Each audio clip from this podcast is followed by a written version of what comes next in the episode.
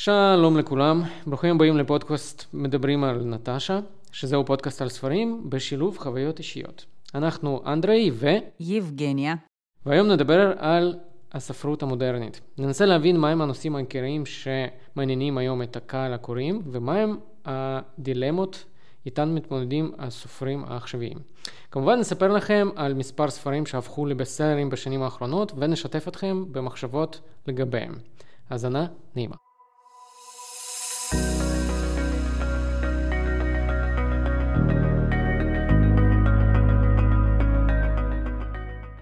לפני שמתחילים לדבר על ספרות מודרנית, אולי כדאי להבין על איזה ספרות בכלל אנחנו מדברים ולאיזה תקופה אנחנו מתייחסים.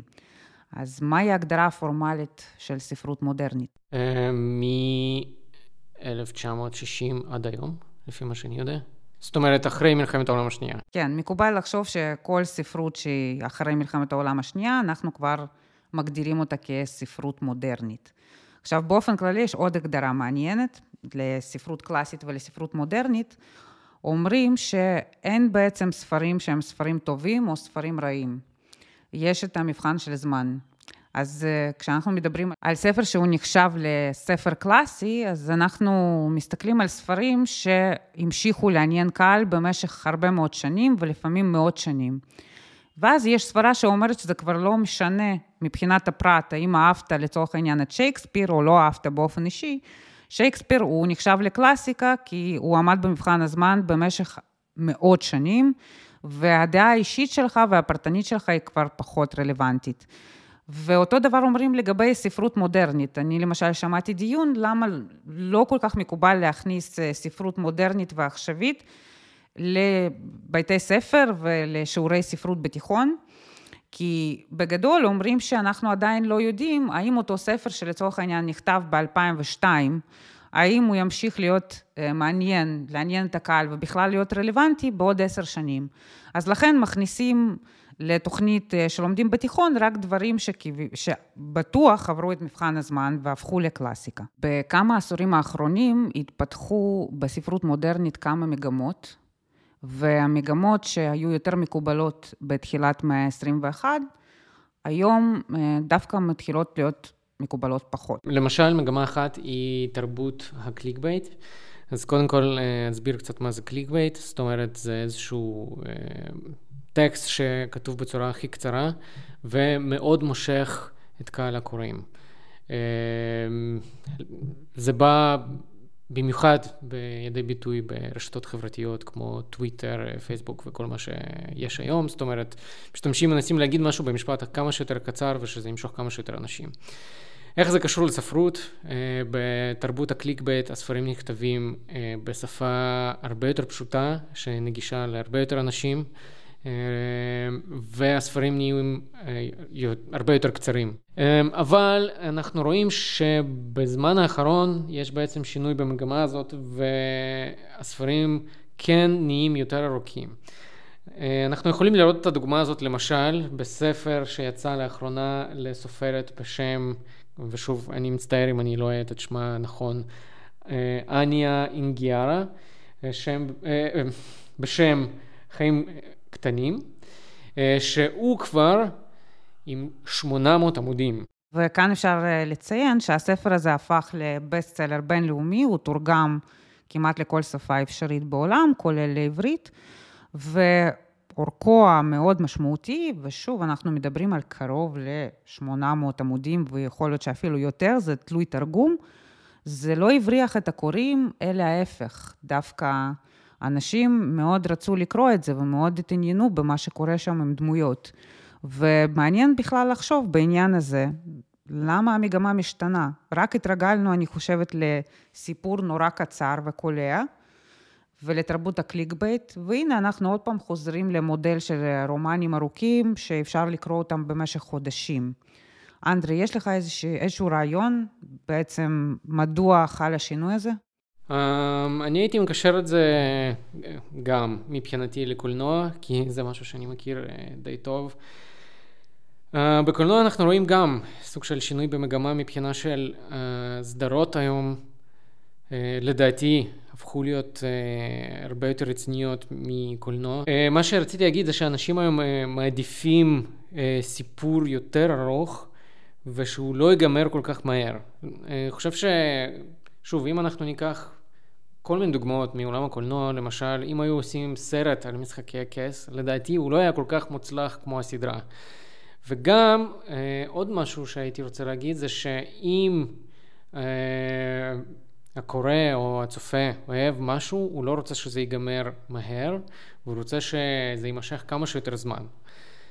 וככה מבחינה הזאת סדרות אה, דווקא כן אה, נותנות לו את הפתרון לבעיה הזאת. ואז אתה מתכוון שגם בספרות זה עובד באופן דומה. כלומר, אנשים שברגע שאתה מתלהב מאיזשהו ספר, אתה לא בהכרח רוצה שזה ייגמר. ואני חושבת שכן, זה עושה הרבה שכל, ש... ואפשר לראות שהמגמות האלה הן בעצם קורות במקביל. מצד אחד יש ממש עלייה מבחינת אינטרס הצופים בסדרות על פני קולנוע, ובו זמנית גם הספרים באמת הופכים להיות יותר ויותר ארוכים ויותר ויותר משמעותיים.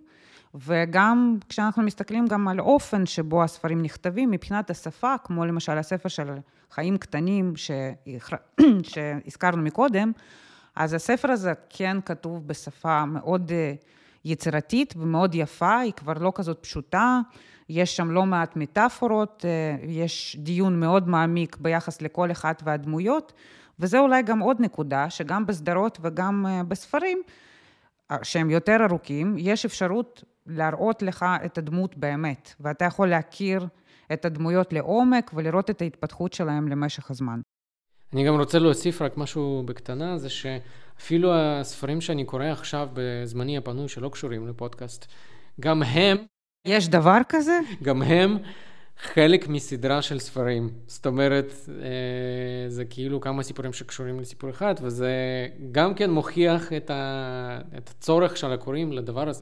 אמ, כן, תכלס זה נכון, וגם נגיד, כשאתה חושב על קולנוע גם באופן גלובלי, היום מאוד מקובל לעשות פריקוול וסיקוול, ובעצם אתה מוציא איזשהו סרט והוא לא מסתיים בסרט אחד.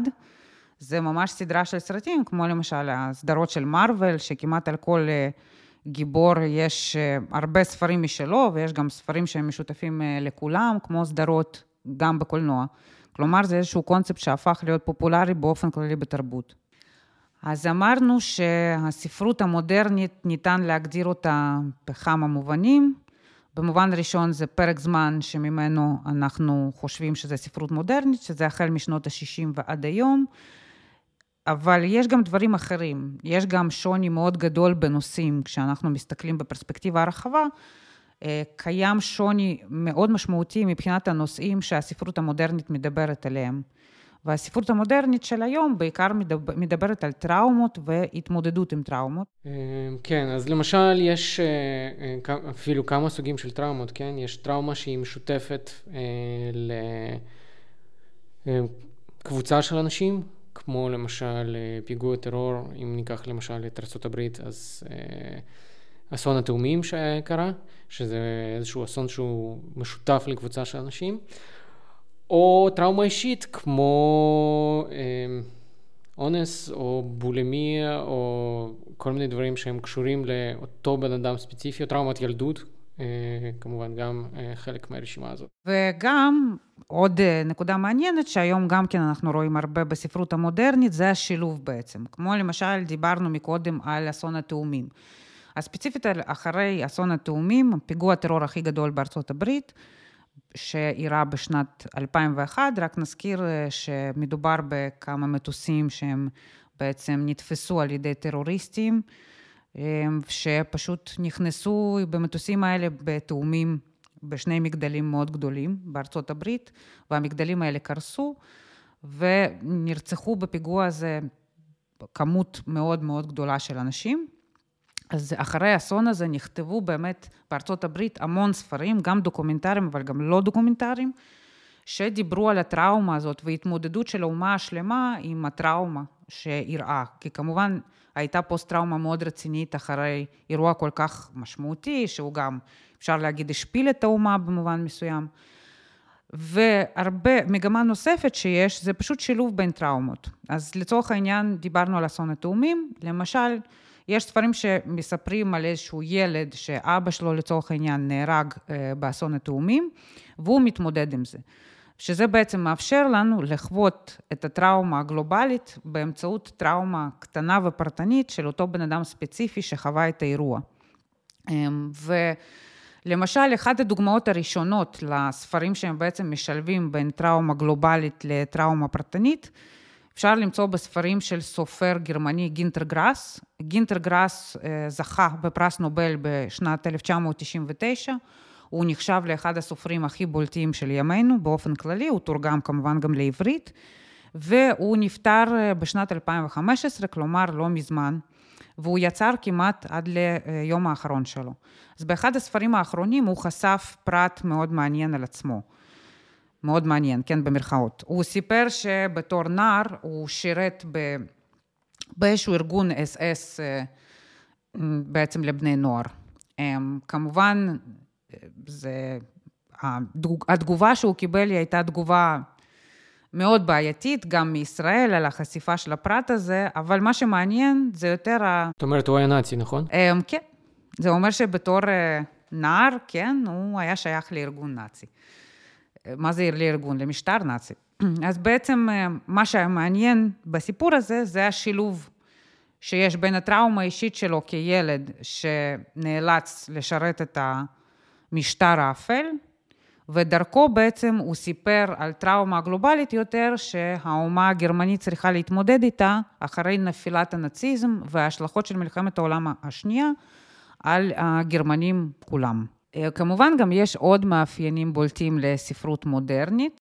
אה, כן, שהיום למשל, אה, אם מנסים לאפיין משהו, אז לא תמיד מאפיינים את זה בצורה הכי מעמיקה. למשל, אם מדובר באיזשהו מקצוע שכולנו מכירים, כמו איזשהו עורך דין, ורשום בספר שהוא, אה, לא יודע, היה לו איזשהו קייס מעניין, אז אנחנו ישר יודעים שבעצם אה, הוא יודע להתווכח ושהוא, אה, יש לו את כל המאפיינים של עורך דין שכולם כבר מכירים, ובעצם בספרים, אה, בזרם המודרני הזה בעצם כבר לא... הם, הם לא מאפיינים את כל זה במלא עמודים. זאת אומרת, הם נותנים לך רק רמז למשהו, ואתה כבר בונה את התמונה הגדולה אצלך בראש. כן, שאתה בעצם לא צריך בתור סופר להוכיח שהדמות שלך, נגיד עורך דין אה, מעולה, שיודע לטעון היטב, אז אתה לא צריך לכתוב את הנאום שלו בספר. הקורא מתבקש להאמין לך ולקבל את זה כעובדה. אמ, וזה דרך אגב אה, מאוד שונה מהספרות הקלאסית, כי בספרות הקלאסית, אם סופר היה מציג איזושהי דמות, הוא היה צריך לתמוך, מה שנקרא, בראיות.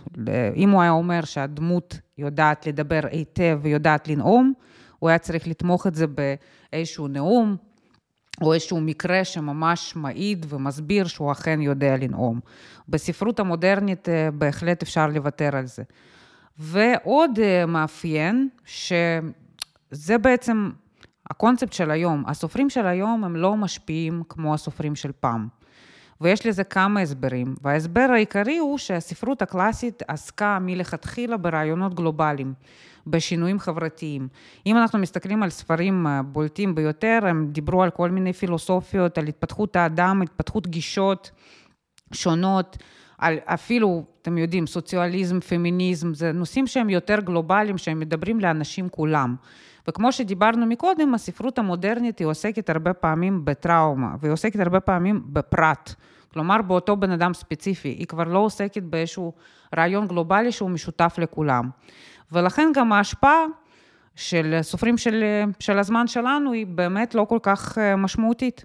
לצורך העניין, אם טולסטוי, לאו טולסטוי השפיע על דורות, אז קשה היום לחשוב על איזשהו סופר מודרני גדול ומפורסם ככל שיהיה, שאפשר להגיד עליו אותו הדבר.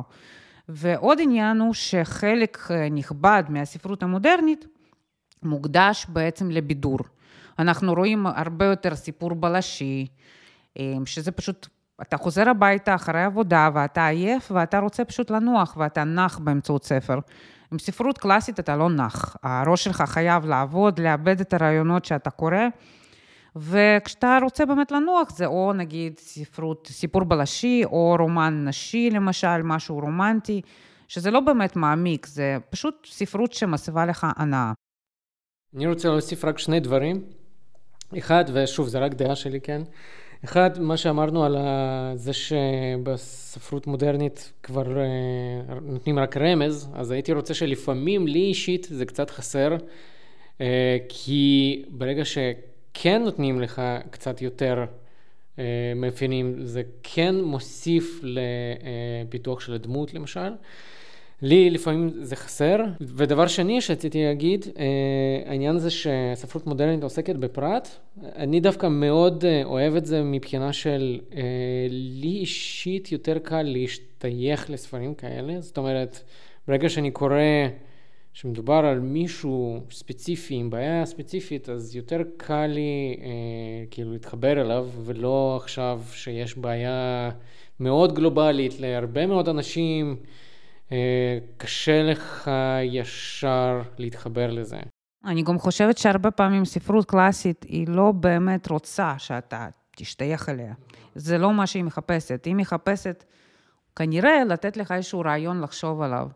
וכן, אני חושבת שכל הגישה המודרנית, ודיברנו מקודם על הסדרות, מה שאנחנו מחפשים היום זה למצוא אנשים שהם כמונו.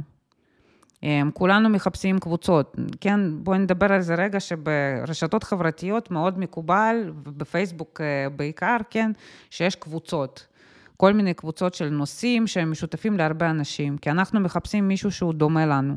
והספרות המודרנית היא כן נותנת לנו את זה, לעומת זאת הספרות הקלאסית זה נורא גלובלי, זה איזשהו רעיון שהוא הרבה פעמים מאוד רחוק מחיי יום-יום, כמו למשל בספר של מלחמה ושלום, אחד הרעיונות של לאו טולסטוי זה השפעה של בן אדם ספציפי, של פרט, על אירועים גלובליים.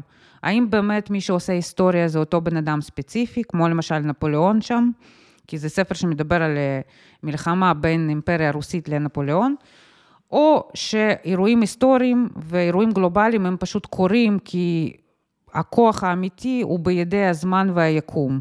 זה איזשהו דיון מאוד פילוסופי, שבתור בן אדם פרטי נורא קשה למצוא, להתחבר כאן למשהו, זה פשוט חשיבה. והרבה יותר קל והרבה יותר מעניין גם, אני חושבת היום, למצוא אנשים שהם מתמודדים עם אותן בעיות, כמו, כמונו. וגם אה, איזשהו ניסיון אישי, זה שהרבה פעמים קורה לי, ואני בטוח שגם לעוד אנשים, זה ש... מישהו ראה משהו, איזושהי סדרה, או קרא איזשהו ספר, והוא ישר שולח לי ואומר לי, הנה, הספר הזה נכתב כאילו זה אתה, או הסדרה הזאת, הדמות הזאת, היא כאילו מזכירה, מזכירה לי אותך ממש. וגם אני...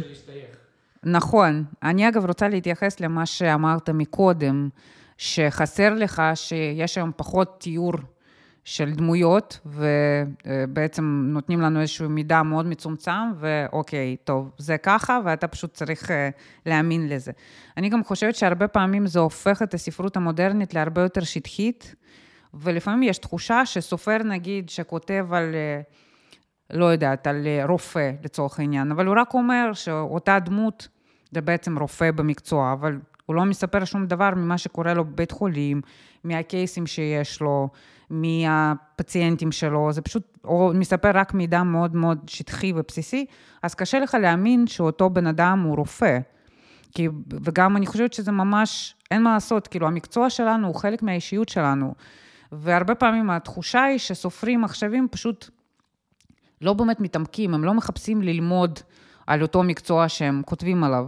הם מסתפקים במעט, וזה הופך את הספר הרבה יותר פשוט, שטחי ופחות מעניין בעיניי, כן, לפחות. אבל אה, דווקא במה שרציתי לסיים, זה, ב... זה לא באמת ציטוט, כי תרגמתי את זה בעצמי, אז, אבל זה איזושהי אמירה של פרנס קפקא. כן, פרנס קפקא אמר שספר טוב מבחינתו הוא ספר שמזכיר לו גרזן חזק, שיש לו מספיק כוח בשביל לשבור את ים הקרח הצפוני שנמצא בתוכו. כלומר, זה ספר שצריך ממש למשוך אותך, ולעשות לך, לשנות אותך. ובאמת זה דיון אה, נורא ארוך, האם הספרות המודרנית היא עונה להגדרה הזאת, כן או לא, אבל אני מניחה שכל אחד יש לו את התשובות משלו, וסופרים שכן עושים לו את זה, או לא עושים לו את זה. טוב, אז אחרי שדיברנו כל כך הרבה על הספרות המודרנית, צריך לפחות להביא כמה דוגמאות ולהעמיק בנושא. אז אה, אנדרי, כשהתכוננו לפודקאסט הזה, איזה ספר קראת?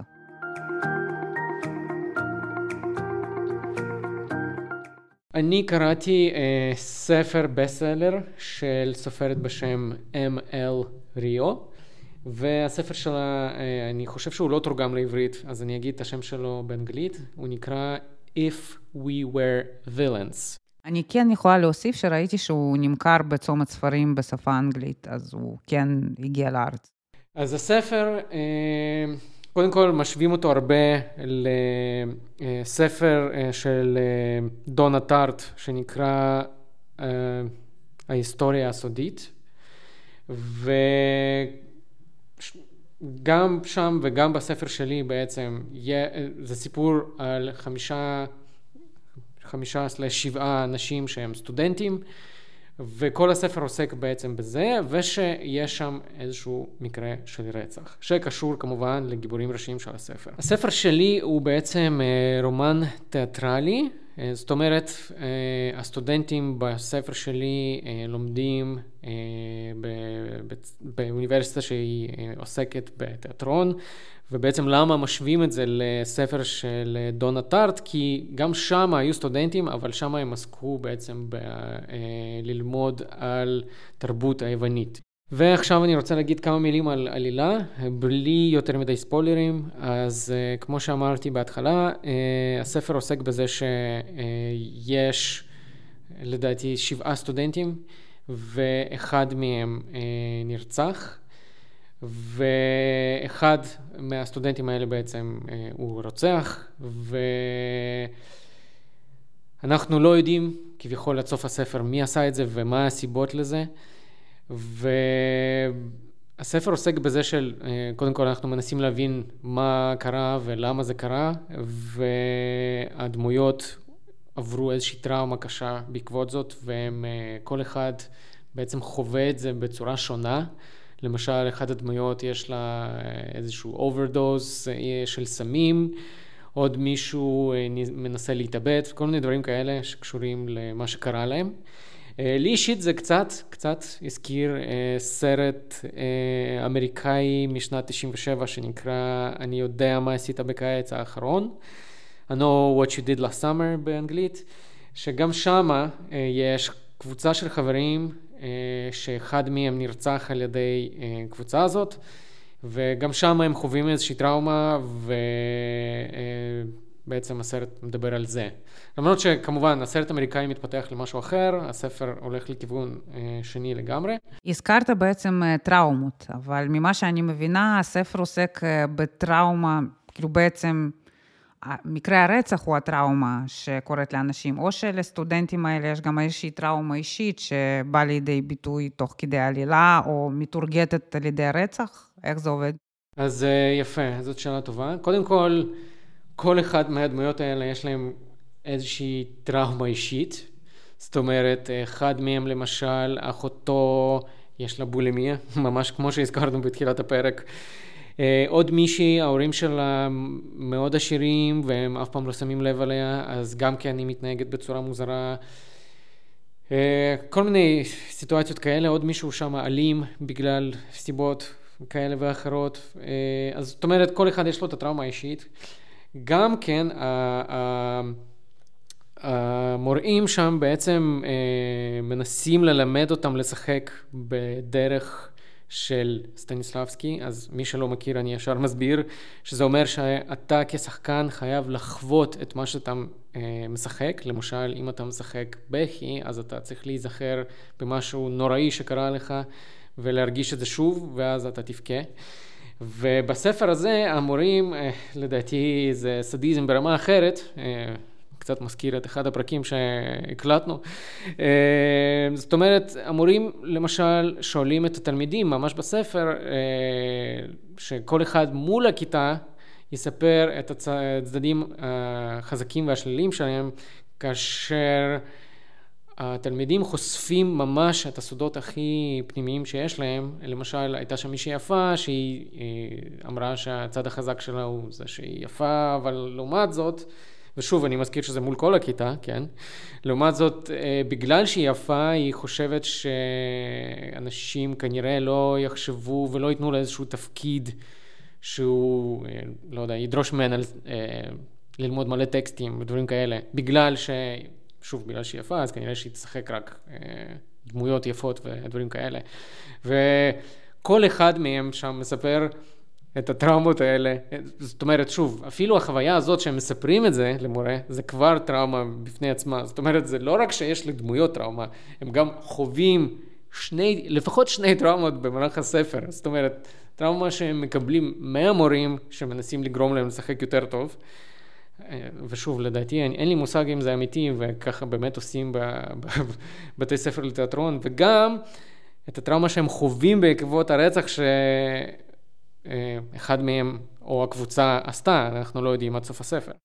אז בעצם, אני מבינה שכמו שדיברנו מקודם, אה, באופן כללי, שהספרות המודרנית עוסקת בטראומות, אז הספר שבחרת הוא ממש עוסק בטראומות, ועד כמה שאני מבינה, ואני יודעת את זה גם בוודאות, כי אנחנו מתכוננים ביחד לפודקאסט הזה, כן? אנחנו פשוט בחרנו ספרים מהרשימה של אה, בסטסלרים מומלצים בשנים האחרונות, והנה, הספר שלך הוא בול לפי אה, מה שמקובל היום לחשוב, ומה שמקובל, על מה שמקובל לכתוב בספרות המודרנית, טראומות, טראומות וטראומות. כן, אני, אני רק אוסיף ואגיד uh, כמה דברים של uh, האם אהבתי את הספר. אני הייתי אומר שבגדול uh, לא, יש שם כמה קטעים שהם מעניינים, אבל uh, אני אישית לא כל כך אהבתי אותו, ואני אסביר אפילו למה. כמו שאמרתי, זה רומן תיאטר... תיאטרלי, ויש לפעמים שם קטעים מאוד מאוד ארוכים שדמויות מדברות בדרך תיאטרלית אה, בין עצמם, זאת אומרת הם כל כך בתוך זה שהם משחקים את הדמויות אה, על הבמה, שהם אפילו לא מפסיקים לשחק אותם אחרי זה, אחרי שהם מפסיקים לשחק אותם על הבמה. וזה אותי כקורא נורא נורא מעייף, כי בני אדם לא מדברים ככה. וכשאתה מסיים לעשות משהו אז אתה מדבר רגיל עם חבר שלך או וכדומה. אמ, הייתי ממליץ לקרוא את הספר הזה למי שאוהב לקרוא דברים על תיאטרון, או מי שאוהב תיאטרון, אה, רומן תיאטרלי. אה, באופן כללי? כן, ואם אתם מחפשים לקרוא משהו דומה, אם כבר, אז הייתי ממליץ לקרוא את ה... אה, ההיסטוריה הסודית של דונה טארט, כי מה שהבנתי שזה ספר אה, הרבה יותר מעניין מזה. אמ, ומה אה, את קראת? איזה ספר, אה, על איזה ספר את הולכת לדבר עכשיו?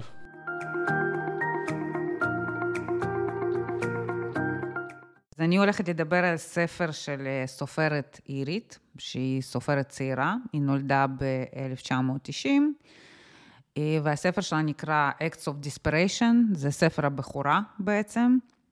הסופרת הזאת היא למעשה עיתונאית אה, מאוד מפורסמת, היא כותבת גם עבור ניו יורק טיימס ועיתונים גדולים ברמה בינלאומית. אה, והספר הספציפי הוא זכה, הוא הפך גם כן לבסטסלר. הוא, כמו שאמרנו מקודם, אנחנו בחרנו בספרים שהם אה, קיבלו ביקורות מאוד מאוד מאוד טובות מקהל הקוראים שנינו, אז גם הספר הזה, הוא זכה להמון ביקורת מאוד חיובית. אה, גם מהמבקרים המקצועיים וגם מקהל הקוראים. ובמקרה שלי, אני חושבת שבדיוק כמוך, אנדרי, הספר עוסק בטראומות, הרבה מאוד טראומות. באופן כללי, הספר מספר על אה, בחורה צעירה שגרה בדובלין, והיא פוגשת אה, באיזשהו שלב בחור צעיר ומאוד מאוד יפה. ולמה אני מדגישה את זה? כי אני חושבת שלאורך כל הספר זאת כביכול התכונה היחידה שלו. כי מעבר לזה מדובר בדמות הכי שטחית ולא ברורה שקראתי עליה אי פעם, לפחות בעיניים שלי. אבל היא פוגשת אותו, היא מאוד מתלהבת מהיופי שלו, גם כל הזמן אה, מזכירים בספר עד כמה הוא היה יפה, ועד כמה, איך הגוף שלו נראה, ואיך הפנים שלו, ואיך, כאילו, איך הוא נראה מבחינה חיצונית, פשוט באמת הרבה מאוד מקום מהספר מוקדש לזה. אז הם נפגשים, הם מתחילים לצאת, ומתפתחת ביניהם מערכת יחסים שכמו שמקובל היום להגיד, toxic relationship, יש ביניהם מערכת יחסים מאוד אביוזיבית ורעילה ביותר, כי הבחורה מתלהבת ממנו ומתאהבת בו ברמה מאוד עמוקה, והיא מאוד מנסה אה, לרצות אותו במהלך כל הספר ולעשות הכל בשביל שהוא יישאר איתה. אה, למרות שהוא פחות מביע חיבה, אפשר להגיד, ובאיזשהו שלב גם נפרד ממנה, ובאמת, אני לא אתן יותר מדי ספוילרים, אבל כל הסיפור הוא בעצם מספר על אה, מערכת יחסים שהיא מאוד לא שוויונית אה, מבחינת הרגשות. שהיא באמת אוהבת אותו, והוא כזה קר ולא ברור, וכמו שאמרתי, נורא שטחי, אז קשה להבין בכלל מה המוטיבציה שלו. אמ, חוץ מזה שהייתה לו חברה בעבר, שהוא נורא אוהב עד היום, והוא איתה בקשר עד היום, והוא מאוד יפה, מעבר לזה גם לא מצאתי כל כך הרבה פרטים על הדמות הזאת. אבל, ו, ואז כאילו, מה שקורה במערכת היחסים רעילה, ולאן היא יכולה להוביל, ואיך מתמודדים עם זה. בנוסף, יש בספר כמובן המון ביטוי לטראומות ילדות ולטראומות עבר. ולאט לאט אנחנו מגלים שההורים של הגיבורה הראשית אה, גרושים, וזה כמובן השפיע עליה, ואנחנו גם מגלים שהיא חשבה שהיא מלאה ושמנה כשהיא הייתה צעירה, וזה נורא הפריע לה כשהיא הייתה בבית ספר, וכמובן אה, יש איזושהי הפרעת אכילה ברקע. כלומר, המון אה, טראומות כאלה שמביאות אותה בין היתר ל... נטייה מאוד גדולה להיות אלכוהוליסטית. זאת אומרת שמערכת יחסים שלהם גורמת גם לטראומה של אחד לשני. אה, שזה מאוד מזכיר, קודם כל זה נכון, וזה מאוד מזכיר גם את מה שאתה דיברת עליו מקודם, שבסיפור אחד יש המון טראומות שמשתלבות. יש טראומה אה, שבאה מילדות, בכל מיני צורות, יש טראומה של החיים הצעירים, יש טראומה ש... אני, מתנצלת שאני צוחקת, אבל באיזשהו שלב שיש כל כך הרבה טראומות, זה באמת אה, נהיה מצחיק באיזשהו שלב. אבל אה, זה פשוט המון טראומות שמשתלבות ומביאות את הדמויות למקומות מסוימים. מה שלי היה חסר בספר, אה, זה זה שהספר נורא שטחי. כלומר, כיתרון, אני כן יכולה להגיד שהספר כתוב בשפה מאוד יפה, באמת גם מאוד ברורה, אבל אה, מצד שני גם די אה, פואטית איפה שצריך וציורית איפה שצריך. אבל מצד שני, מאוד לא ברור מהי המוטיבציה של הגיבורה הראשית. כלומר, אוקיי, בסדר, הבנו שהיו שם הרבה מאוד טראומות, אבל זה איכשהו לא מסביר את מה שקורה לה. כאילו, העבר שלה לא מסביר את ההווה, אבל לפי הסופרת זה כביכול כן אמור להסביר.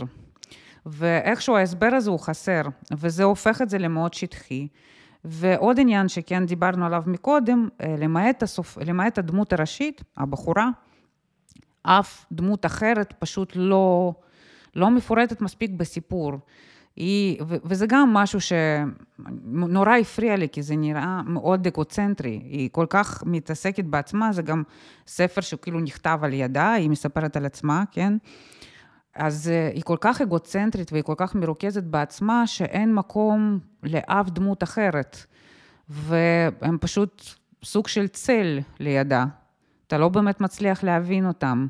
וזה גם היה מאוד חסר לי, ואני חושבת שבאופן כללי זה מאוד פוגע בהתרשמות הכללית, כי זה נהיה יותר כמו יומן אה, שכתוב טוב, אבל זה בכל מקרה יומן של נערה או אישה צעירה, ולא ספר אמיתי. אני רוצה להוסיף ולהסכים איתך שגם בספר שלי אה, יש לו את הבעיה של שטחיות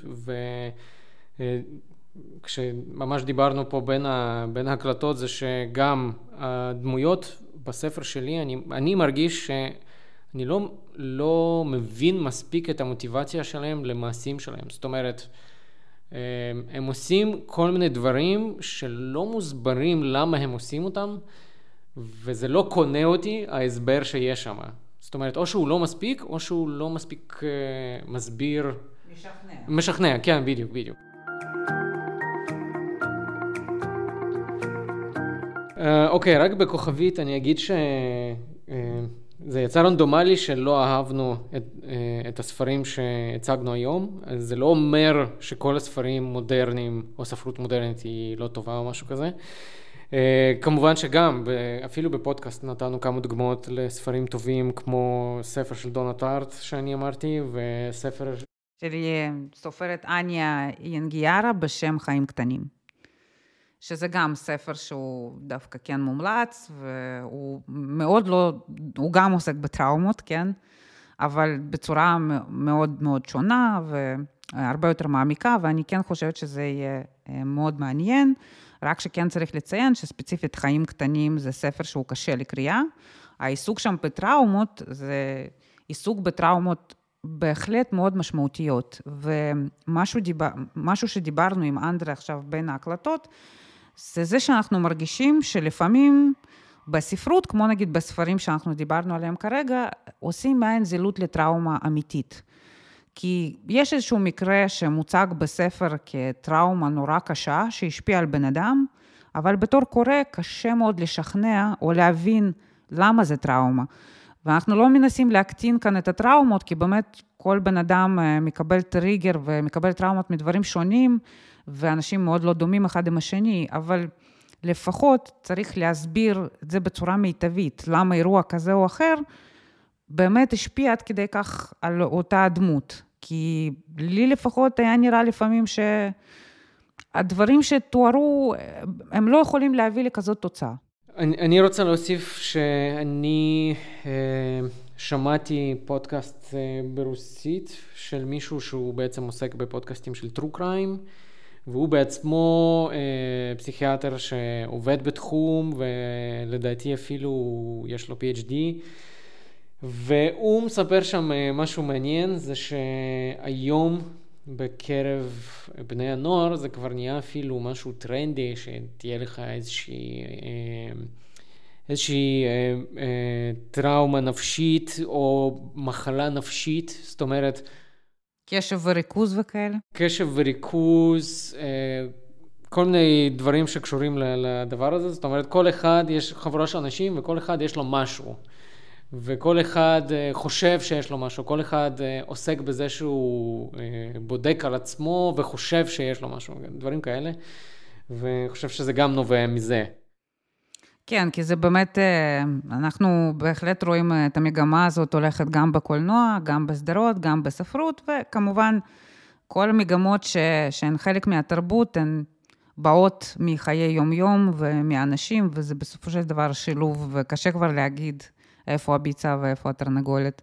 אבל אה, בסופו של דבר, זאת הספרות המודרנית, אלה הספרים שקראנו, לצורך הכנה לפודקאסט הזה. ואנחנו מקווים שנהניתם להקשיב לנו, ואנחנו בטוחים שיש לכם דעה אחרת כמעט על כל נושא שיעלינו היום בפודקאסט, אבל זה מה שהופך את הדיון הזה למעניין. אמ, אני דווקא חשבתי לשאול עוד שאלה ממש קטנה. אני אשמח. לסוף. ש... אה, מה אנחנו חושבים בעצם על הספרות אה, הקלאסית, והאם אה, את אוהבת אותה? האם אה, את חושבת שעדיין כדאי לקרוא אותה? אני דווקא חושבת שבהחלט כדאי לקרוא אותה, אבל פה באמת בכוכבית אני בהחלט חונכתי על ספרות קלאסית, ולכן לי תמיד יש מקום מאוד אה, חם בלב לספרות קלאסית, ואני גם אוהבת לקרוא באמת על אה, אידיאולוגיות חדשות והתפתחויות של פילוסופיות, שאפשר לראות את השרידים של פילוסופיות כאלה ואחרות אפילו עד היום, ולא שרידים, לפעמים זה גם משפיע באופן ממשי. אני מאוד אוהבת להבין איך העולם הזה התפתח ואיך האנושות התפתחה, וספרות קלאסית היא מאוד עוזרת לעניין הזה. וגם, אני חייבת להגיד שזאת ספרות שהיא מאוד עשירה מבחינת השפה. הספרים באמת נכתבים אה, בשפה מאוד מורכבת וגבוהה, אבל אה, זו ספרות שהיא עבודה. כלומר, אתה צריך באמת להבין שאתה מתיישב כרגע ואתה משקיע הרבה מחשבה והמוח שלך עובד כל הזמן. אבל אני גם אוהבת ספרות מודרנית מאוד דווקא, כי אני כן מתחברת כמוך לרעיון של אפשר להזדהות עם הדמויות בספר, וזה מאוד מעניין לקרוא על מישהו שהוא מזכיר אותך ולראות איך הוא התמודד עם סיטואציה דומה. ומה קרה לו, ואיזה תחושות הוא חש, ופתאום, כמו שאמרת, וואו, זה עליך. זה, זה ממש מעניין, ו- ואני חושבת שזה מאוד נוגע. ונראה לי, כמו כל דבר, צריך לעשות שילוב בין הדברים. להיות מקובע זה אף פעם לא טוב. אני, אני אוסיף ואגיד שגם, אני כמובן אוהב גם וגם, וכמובן שבספרות הקלאסית יש לפעמים דוגמאות שמשפיעות עד היום על כל הז'אנרים, כמו למשל ספרים של אייזק אזימוב, שמשפיעות לא רק על הז'אנר של אה, מדע בדיוני, אלא גם, זאת אומרת של ספרות, אלא גם על אה, קולנוע. ואותו דבר למשל על ספר של 1984, שזה בעצם בן אדם נגד מערכת. ואנחנו... של אורל, נכון? נכון. אנחנו רואים את זה היום אפילו, יש... עד היום יש פרסומות שהן סוג של לוקחות השראה מהספר הזה. אז אני חושב שצריך לקרוא גם וגם. ויש דוגמאות טובות גם שם וגם שם. אז חברים, תקראו.